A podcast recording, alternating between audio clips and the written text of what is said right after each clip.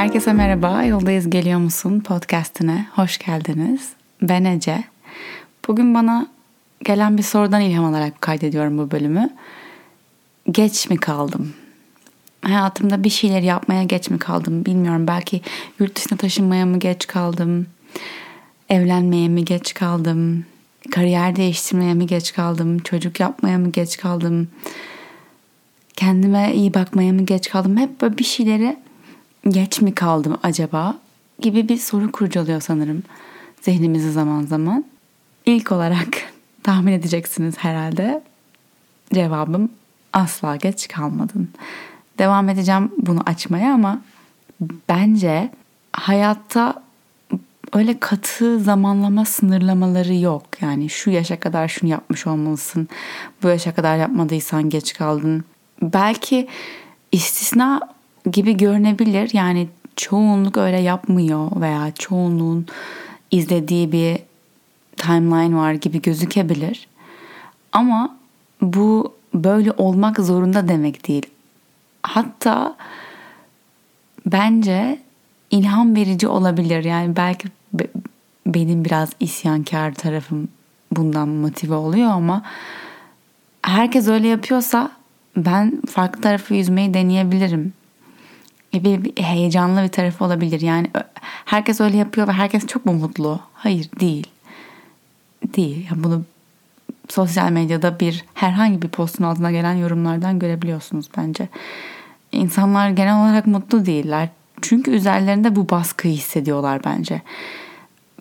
Bekle ondan onlardan beklenenleri onlardan beklenen zaman içerisinde yanına bir tik atar gibi yapmayı doğru buluyorlar ve bunu yapmaya çalışıyorlar.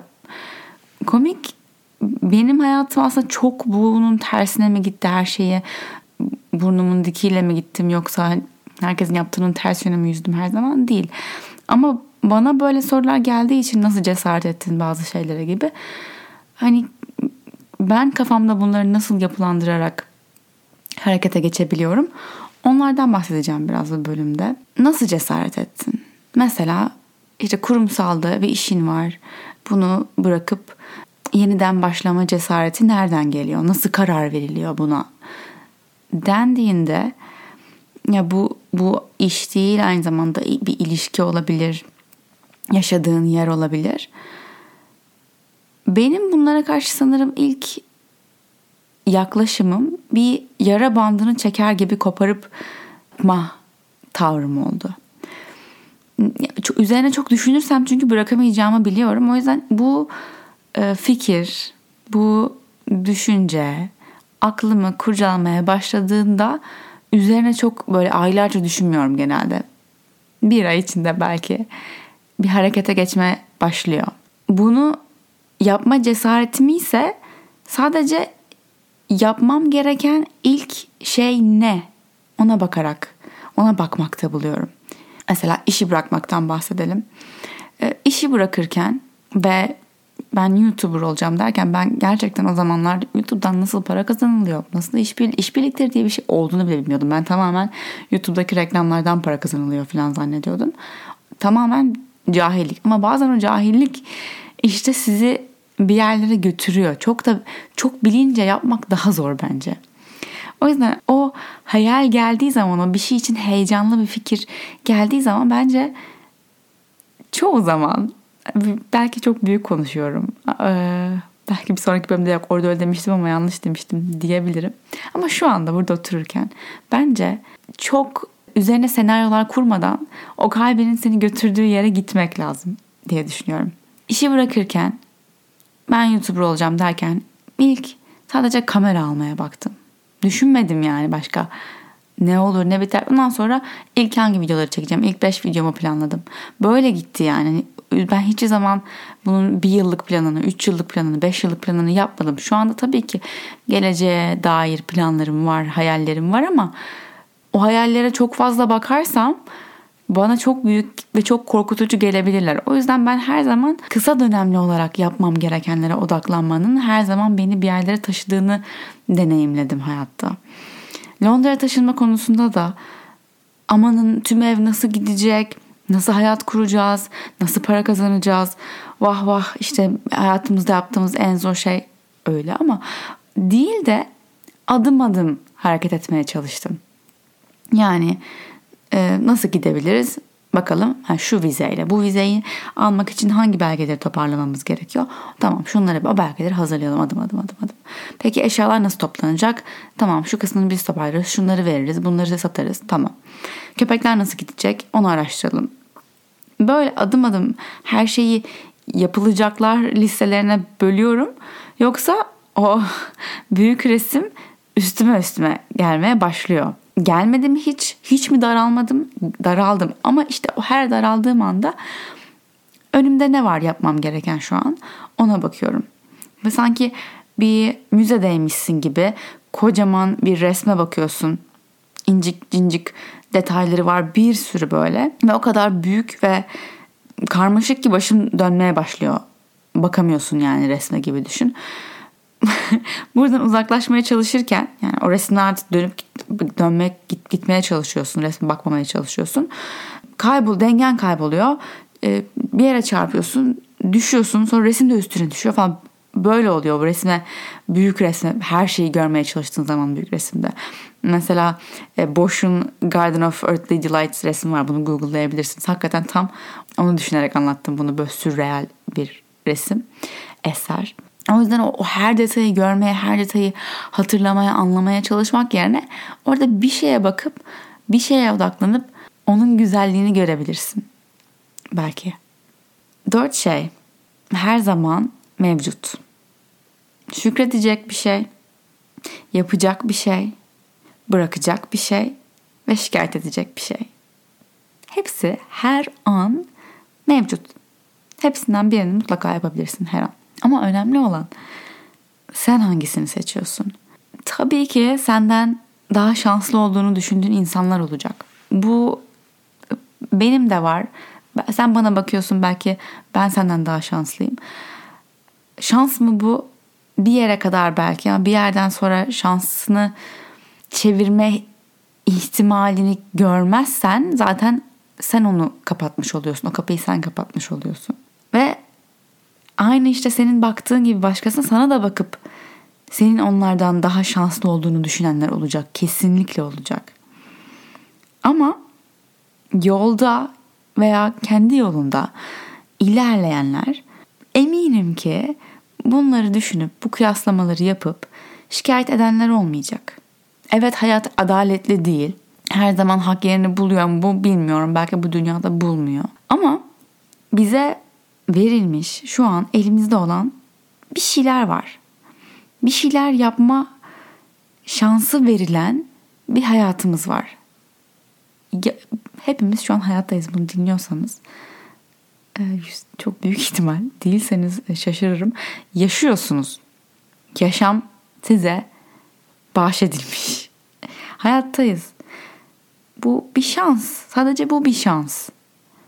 Bunu bile sahip olamayanlar var. Belki bu karşılaştırma da sevmiyorum. Belki hani senin sahip olduklarına sahip olmayanlar var veya kendini işte şanslı hisset bak bunlar var sende onlar da yok.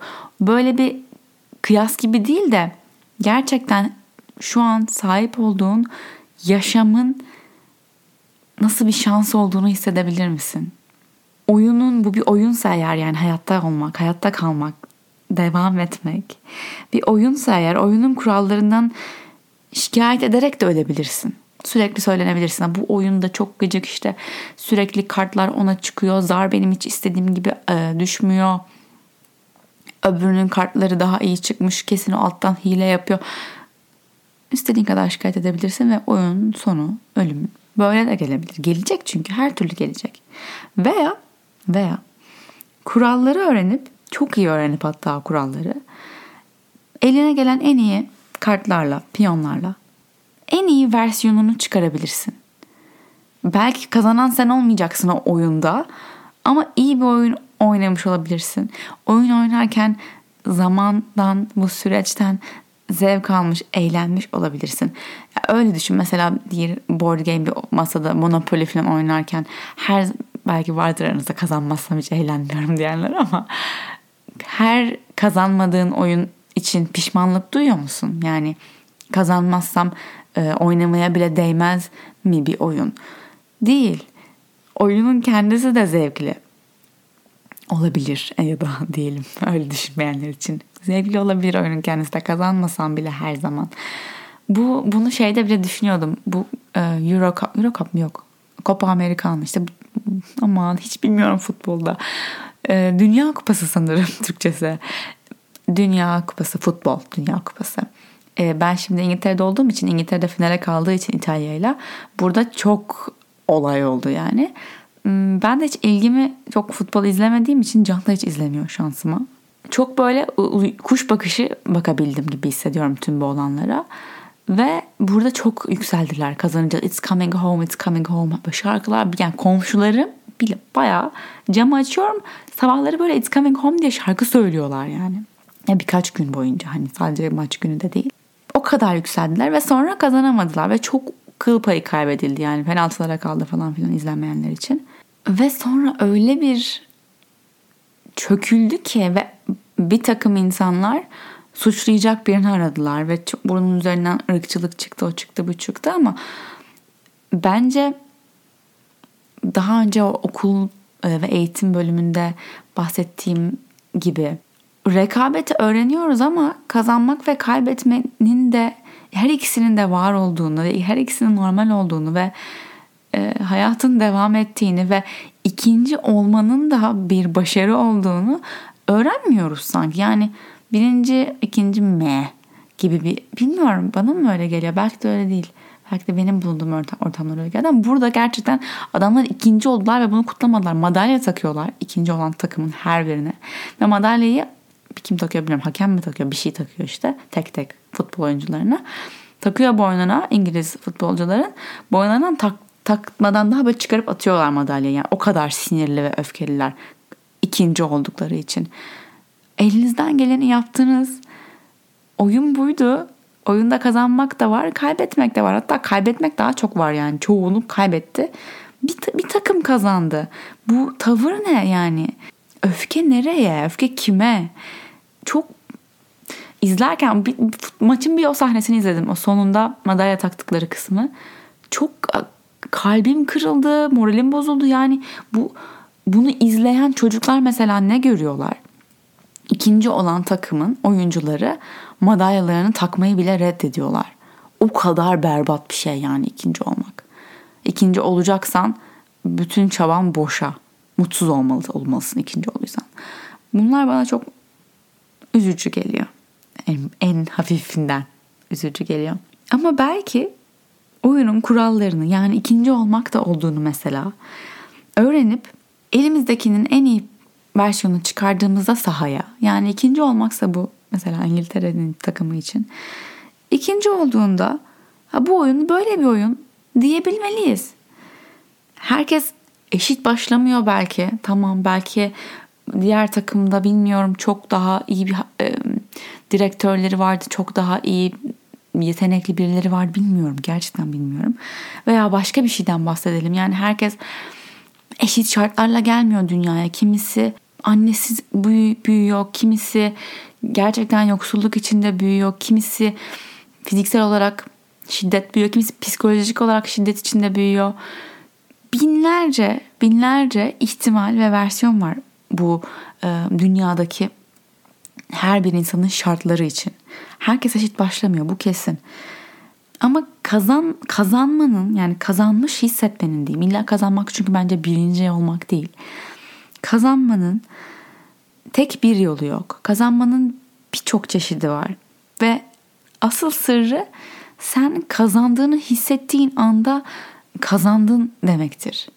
Kazanmak birinci olmak demek değildir. Kazanmak kazandığını hissetmektir.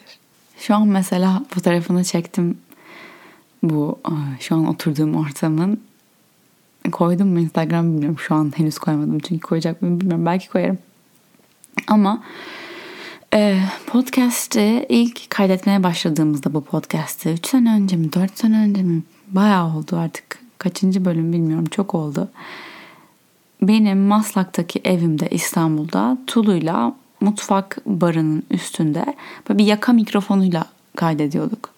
Yaka mikrofonunu telefonuma bilgisayara takıyorduk. Tulu editliyordu. Koyuyorduk yani sese falan pek bir şey yapmıyorduk. Öyle hani kesip biçip yüklüyorduk. Bir producer'ımız yok. Bir producing ekibimiz yok. Böyle bazen başka Amerikalı podcastları falan dinliyorum. Böyle sayıyorlar. This podcast is produced by bilmem ne. Edited by bilmem ne. Bir şey by bilmem ne. Ne nasıl yani falan nasıl bir ekip var bunun arkasında wow diyorum. Biz Tulu'yla böyle başladık. Hiç hani ay producer bulalım da sponsor bulalım da böyle bir şeyimiz yoktu yani. Yapalım olur gelir gibiydi. O yüzden bence gerçekten işin sırrı bir yerden başlamak. Kusursuz olmayacak. Kesinlikle kusursuz olmayacak. Hiçbir zaman kusursuz. Kusursuz olmasını beklersek ölene kadar bekleriz yani. Şey gibi oldu. Ya şikayet ederek ölebilirsin ya da bekleyerek ölebilirsin. Ben ikisini de yapmamayı seçiyorum. Çünkü bu bir seçim. Ve böyle başladık. Sonra ben orada kendi kendime kaydetmeye devam ettim. Sonra Flow açıldı. Flow'da e, bütün podcast ekipmanım Flow'daydı. Flow'da kaydetmeye devam ettim. Orada da zordu bayağı sokaktan bir sürü sesler geliyordu. Flow'da kaydetmeye devam ettim. Sonra pandemi başladı. Flow'a çok gidemez olduk. Evde e, salonda herkesin olduğu gibi iş yerine herkes salonlarını taşıdı. Salonda kurdum podcast ortamımı. Orada kaydetmeye devam ettim. Sonra arada birkaç tane böyle ne kendi evim ne kendi ofisim olan birkaç yerde birkaç bölüm kaydettim. Şimdi kendi evime tekrar yerleşmişken burada e, yatağımın ayak ucunda yerde oturuyorum bir meditasyon sosis minderinin üzerinde oturuyorum. E, bilgisayarım mikrofonun bağlı olduğu bilgisayarım yatağın üstünde. Yatağın ayak ucunda yerde bir tane küçük bir tabure gibi bir şey var. Onun üzerinde mikrofon ve ben de yerdeki minderin üzerinde oturarak konuşuyorum. Çünkü evdeki akustiği en iyi olan yer burası. Çünkü burada yatak odasında yerler halı. ve hala bir prodüserim yok. Hala kendim editliyorum bu bölümleri. Biraz bazen yardım alıyorum. Tabii ki e, her şeyi her zaman kendim yapamıyorum ama e, hani öyle bir production team yok burada. Ee, o yüzden de zaten bu bölümler benim keyfime göre geliyor, keyfime göre gelmiyor. gelmiyor. Ama bu da benim için çalışan versiyonu da bu. Ee, böyle olursa yaparım ben bunu dedim böyle olursa yapıyorum. Mesela bazen haftalarca bölüm kaydetmiyorum. Mesela bu hafta arka arkaya haftada bir kaydettim. Keyfim böyleydi. Size de oluyor mu bilmiyorum. Bazen bu üretkenliğim özellikle dalgaları çok acayip işliyor. Yani bir üretkenlik dalgası geliyor mesela. Mesela bu hafta ve geçen hafta. E, yaratıcı hissediyorum, üretken hissediyorum. Bir şey yapabilirim, bunun için enerjim var, söyleyecek şeylerim var gibi hissediyorum. Ve arka arkaya böyle patır kütür patır kütür gidiyor. Sanki böyle bir e, surf yaparken bir dalga yakalamışım gibi. Ama sonra bazen de haftalarca yani ben nasıl bir podcast'te 40 dakika boyunca kendi kendime konuşabiliyordum o kimdi dediğim oluyor. Hiçbir zaman öyle bir e, düz çizgi halinde ilerlemiyor bu ya da düz çizgi halinde yukarıya doğru gitmiyoruz. Bunun bazen öyle bazen böyle olduğunu kabul etmek lazım ve bazen bazen öyleyken hep öyle kalmaya da devam edebilir. Geri hiç gelmeyebilir bir hal. Ve ben bununla bu sene barıştım sanırım. Yani belki hatırlarsınız. Canım Cansu ile bunu mu konuşmuştuk? Cansu Denge ile çok eski bir bölüm. Bir bölümde nasıl daha çok üretken olabilir miyiz gibi bir şeyler konuşmuştuk. Ve şimdi düşünüyorum yani daha daha çok üretken olmamıza gerek yok. Allah için gerek yok ya daha çok nasıl kendimize iyi davranabiliriz konuşalım. Daha çok nasıl dinlenirken suçlu hissetmeyizi konuşalım. Daha çok nasıl başkalarıyla kendimizi karış, karşılaştırmadan yolumuza bakabiliriz konuşalım. Daha başka nasıl başkalarının zamanlamasına göre geç kaldığımızı düşünmeden seçimler yapabiliriz konuşalım. Bu üretkenlik de işte tam bu geç kalmışlıktan, geç kalmış kaldım mı endişesinden geliyor. Sürekli olarak yol kat etmeliyim ve bu kat ettiğim yol kesinlikle e, sayılabilir, somut, elle tutulur bazı değerlere sahip olmalı. Yani yol kat etmeyi, şeyi yol kat etmek saymıyoruz mesela. Bu hafta gerçekten e, kendime çok iyi baktım, çok iyi dinlendim ve kendimle ilgili e, aslında çok yorulduğumu gördüm demeyi ilerlemiş varsaymıyoruz aslında. Niye? Bence asıl ilerleme o. Asıl ilerleme bunu diyebilmek. Asıl ilerleme ilerlemenin başkasının gözünden görülmesi ve onaylanmasına ihtiyaç duymamak demek bence. O ciddi bir ilerleme hatta. O yüzden geç kaldığını düşünüyorsan bir şeylere kimin gözünden bakıyorsun? Kimin gözünden bakıyorsun da o sana geç kaldığını söylüyor? Hatta belki şu an ya da belki vaktin olduğu bir an gözlerini kapayıp geç kaldığını düşündüğün bir şey bul. Hepimizin vardır. Belki yıllarca geç kaldım, belki bir ömür geç kaldım, belki birkaç hafta geç kaldım bir şey. Geç kaldığını düşündüğün bir şey. Ve gözlerini kapattığında bunu kim söylüyor sana aslında? Çünkü içindeki ses söylemiyor. Biliyorum. İçindeki eleştiren ses söylüyor olabilir ama senin gerçek sesin söylemiyor. Eleştiren sesin de sanki bir çocuğun bir yerde bir şey duyup tekrarlaması gibi sürekli. Hani küçük çocuklar bir küfür duyar ve sürekli onu söylemeye devam ederler ya onun gibi. Öyle bir şey duymuş ve sürekli tekrar ediyor o ses. Ama nereden duymuş? Kimden duymuş? Nerede okumuş? Nasıl bunu kendine ders edinmiş? Mecburiyet kabul etmiş? Olması gereken demiş, melimalı demiş. Nereden gelmiş? Onu bulursan çünkü onun aslında o kadar da gerçek olmadığını görebilirsin. Belki onu söyleyen kişi de öğreten kişi de duyduğun yerde kendisi de bilmiyordu, emin değildi bundan ama öbür tarafını denemekten korkuyordu. Öbür tarafını denemeye cesareti yoktu belki. Ve güvenli olduğunu düşündü bu tarafın. O yüzden seni de güvende tutmak için böyle bir şey söyledi sana. Ama güvenli alanımızı bence kendimize biz yaratıyoruz. Ve bazen bu başkalarının zamanlarına zamanlamalarına göre hareket etmek bizim için çok tehlikeli bir alan. Bırak güvenli bir alan olmayı çok tehlikeli bir alan. Çünkü benliğimize o kadar zıt hareket ettirebiliyor ki bu yani e, düşünce ve inançlar zamanlama ile ilgili. O kadar karşı geliyoruz ki kendimize yıpranıyoruz.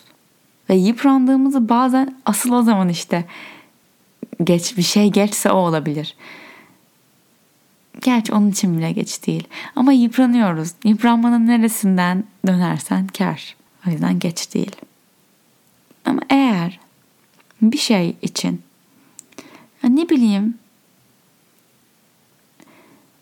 üniversiteyle ilgili olabilir. Bitirmekle, bitirmemekle, gitmekle, gitmemekle, ara vermekle, devam etmekle, değiştirmekle, bırakıp baştan başlamakla, evlenmekle, evlenmemekle. Biliyorum bu kararları vermek hiç kolay değil çünkü etraftan o kadar o kadar fazla baskılar oluyor ki. Eğer cesaret gösterebilirsen ve sırf inat olsun diye değil bu arada öyle yapmayalım. Sırf inat olsun diye değil gerçekten gerçekten yani oturup kendinle kaldığında ben bunu şu an istemiyorum veya ben bunu şu an istiyorum. Belki başkası bana diyor ki bunu 10 sene önce yapmalıydı ama ben bunu şu an istiyorum. Dediğin bir şey varsa çok şanslısın bunu diyebildiğin için. Bunu hiç diyemeyenler de var. Bence bu bile heyecan verici. Mesela bu podcast'in yeni bölümlerini koymak için sürekli geç kalıyor olabilirim. Her hafta koymuyorum. Ee, her hafta yüklemiyorum. Belki bir şeylere göre geç ama bana göre tam zamanında. Çünkü tam tam kendim kendi zamanımda kaydediyorum. Çok basit bir örnek ama aslında çok net. Kendi zamanımda kaydediyorum bu bölümleri. Ve yeterli. ve beni tatmin ediyor. Birilerini daha tatmin ediyor. Belki birilerinin beklentisini karşılamıyor ama benim sorumluluğum başkalarının beklentilerini karşılamak değil. Benim sorumluluğum bu hayatta bana verilen kartlarla bu oyunu elimden gelen en iyi şekilde eğlenerek oynamak, keyif alarak oynamak veya yeni arkadaş edinmek belki. Bir hani tüm eski arkadaşlıklar lisede belki üniversitede edinilir ve sonra arkadaş edinmek gerçek ve kalıcı ve uzun dönem arkadaş edinmek zordur diye de bir düşünce vardır geçtir. Bence bu da doğru değil. Çok komik bir şey. Dün burada bir etkinliğe gittim ve bir tane davetleri çocuğu yanında çocuğuyla gelmiş kız çocuk davette böyle bir şeyler boyama falan gibi bir sürü boya kalemleri falan var. O yüzden çocuk çok eğleniyor. Çok mutlu. Ben de böyle onu izliyorum. Çünkü çocukluğum bak çocukluğumdan beri ben belki hani 10 yaşımdayken bile benden küçük hani 5 yaşındaki çocuklara bakıp böyle bir severdim yani çocuklara bakmayı. Çocukken çocukken anaokulu öğretmeni olmak isterdim. Neyse. Ben de kızı izliyorum ya hoşuma gitti. Hele bazı çocuklar her çocukta bu olmuyor açıkçası. Bazen bazı çocuklar böyle çok bağırıyor, çok ağlıyor. Allah'ım benim çocuğum inşallah böyle olmaz falan dediğimde oluyor Allah için. Ama e, bazı çocuklara sanki böyle bir e, enerji tutması gibi inanılmaz kanım ısınıyor anında. E, bu kıza da öyle oldu. Kızı izliyorum. Bayıldım kıza yani. E, ondan sonra bakıyorum sadece. Döndü bana dedi ki Do you like my plate? Tabak boyuyor. Do you like my plate? Tabağımı beğendin mi? Ha evet çok güzel olmuş işte. Harika yapmışsın. Bayağı sanatçı ruhun var. Ne kadar güzel olmuş falan dedim. Ondan sonra biz konuşmaya başladık ve konuştuk neler neler konuştuk yani işte kızın okulundan sevdiği arkadaşlarından sevmediği arkadaşlarına bir tane arkadaşının okul değiştirmesinden nasıl konuşacaklarına en sevdiği hayvan olmak istediği meslekler en sevdiği renk annesinin arkadaşları babasının nereli olduğu annesinin nereli olduğu benim nereli olduğum doğum günlerimiz yani inanılmaz çok şey konuştuk çocuk 9 yaşında. Ama biz çok şey konuştuk. Ben çok eğlendim ve bambaşka bir şey bir çocukla konuşmak. Gerçekten bambaşka bir şey. Tamamen sizi böyle ana inanılmaz bir şekilde bağlayıp o anda bilmiyorum değişik bir şey çocuk enerjisi. Neyse. Biz böyle konuştuk Annabella'da. Annabella'da konuştuk konuştuk konuştuk. Sonra artık hani gidiyoruz filan. Bye bye bye bye. Ama arkasına bakıyor sürekli duruyor. Bye, bye, 10 kere falan bay bay. Bye bye. Bye bye. Bye bye. Bye bye falan. En sonunda durdum. Do you wanna hug? Sarılmak ister misin dedim. Böyle yes deyip koşup sarıldı. Çok uzun zamandır birine sarılmamıştım. Sarılmayı bekliyormuş ya. Fark ettim de bir şey istediğini ama ben de bilemiyorum şimdi. Kızla da yeni tanıştık hani. Ve ben yeni bir arkadaşım şey diyeceğim. biz artık arkadaşız falan diyorum ama o kadar mutlu oluyor ki ben artık arkadaşız dediğimde. Ee, ben 29 yaşımdayken benden 20 yaş küçük e, bir arkadaş edindim. Yeni arkadaş edinmek için bence hiçbir zaman geç değil.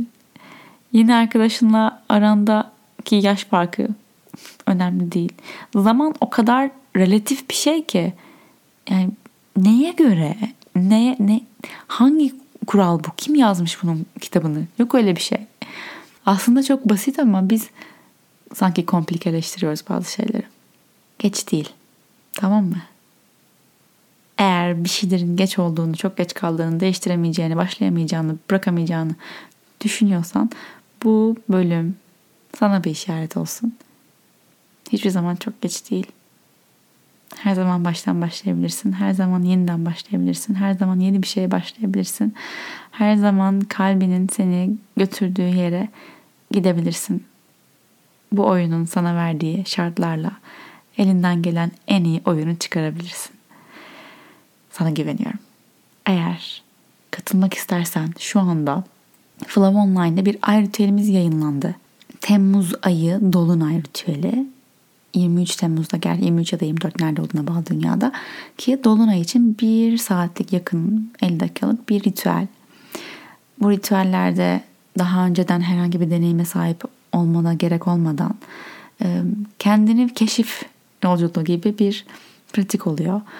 Beni izleyerek seninle beraber 50 dakika boyunca yazıyoruz, meditasyon yapıyoruz, kartlar çekiyoruz, dinliyoruz, bakıyoruz ve her dolunayda bir şeyleri serbest bırakıp bir şeylere netlik getiriyoruz aslında. Her dolunayın farklı bir teması oluyor. Bu ritüelleri 19.90 TL'ye kiralayabiliyorsun. E, ritüeller yayınlandıkları tarihten itibaren 30 gün boyunca veya bir sonraki ritüel yayınlanana kadar yayında kalıyorlar.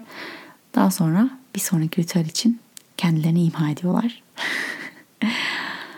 veya yoga ve meditasyona ilgiliysen, yapıyorsan veya başlamak istiyorsan Flow Online'da onlarca yoga ve meditasyon derslerimiz var. Benden ve başka bir sürü harika eğitmenimizden. Katılmak istersen aylık veya yıllık üyeliklerimize göz atabilirsin. Fiyatlar ayda 69.90 TL'den başlıyor. Dinlediğin için çok teşekkür ederim. Beni sosyal medyada at ecetargit olarak bulabilirsin. Bir sonraki bölüme kadar yoldayız. Geliyoruz.